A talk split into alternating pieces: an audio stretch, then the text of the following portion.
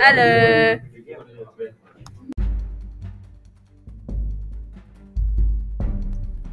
Det mysiga veckoslutet. Det mysiga veckoslutet satt den gamla häxan i sitt vardagsrum och drack te. Hon läste i sin gamla trolldomsbok och förberedde sin trolldryck för morgondagen. Hon brukade lära unga häxor på fredagskvällarna. Oj, Nu ringde den magiska klockan på väggen. Det var dags att ta ut pajen ur ugnen. Häxans katt vaknade upp och hoppade upp på soffan. Katten följde efter häxan in i köket. Man kunde känna doften av den magiska äppelpajen. Hon öppnade ugnen och tog ut en perfekt gräddad paj. Pajen var gul och doftade underbart. Men hon hade ingen vaniljsås till den. Hon måste gå till affären Affären låg gatan ner och det var inte långt. Hon tog sin korg och en trolldryck att betala med och gick ut. Plötsligt fick hon känslan att det var någon som såg på henne. Det kliade i nacken, som det alltid brukade göra då hon kände sig så. Hon aktiverade sin supersyn och stod väldigt stilla.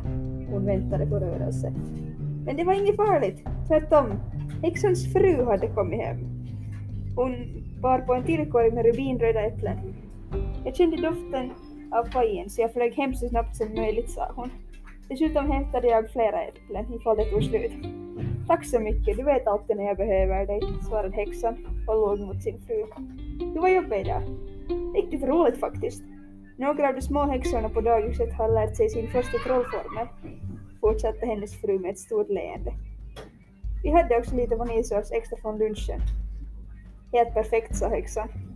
Om du orkar vänta så hinner jag köpa ännu mer vaniljesås. Hon skyndade ner för gatan till affären. Försäljaren gav henne vaniljsås i utbyte mot trolldrycken som gjorde honom yngre. Lyckligt tjoande sprang han omkring som nioåring när hon gick. Frun och hon delade på pajen äpplen av vaniljsåsen. Det var verkligen... Det slutade en rolig lördag. Snipp, snapp, snut, så var sagan slut.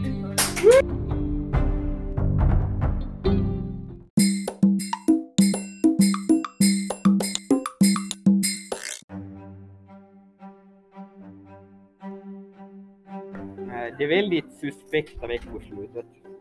John sökte efter ett ventilationsaggregat i sitt medeltida slott. Han kunde dock inte hitta det. Senast han gömde gömde han det så bra att han inte ens själv kommer ihåg platsen. Orsaken var kanske att slottet var ganska stort, i alla fall jämfört med grannen Pekkas små öron. Dock hade Pekka en alldeles enorm näsa som han kunde använda mycket väl. Därför bestämde sig John för att han skulle fråga Pekka om han kunde hjälpa honom hitta Johns ventilationsaggregat. På vägen till Johns hus började papper dyka upp omkring. Will Smith kom emot. Jag har tappat mina skiljespapper, sade han. Pekka var förvånad. Pekka och John sökte efter Will Smiths papper för att få plats i Hollywood Hall of Fame. De sökte efter pappren genom att titta igenom YouTube Rewindet. Vänta, vänta. That's what kika. Okej. That's hot kikarna. Will Smiths papper fanns i ventilationsaggregatet. Pekkas ventilationsaggregat, vilket också var försvunnet. De sprang iväg från det artificiella Hollywood för att Hollywood var skrämmande. Då de tre vattenmelonlika männen kom hem stod de honom tog fram två avokadon och delade dem med hjälp av en upp med hjälp av en upphetsande motorsåg som hade smörj, smörjats av en okänd person. Sedan åt jag avokadon och all, allting var bra på jorden igen. De hittade också sina ventilationsaggregat och chiliaspapper i avokadon.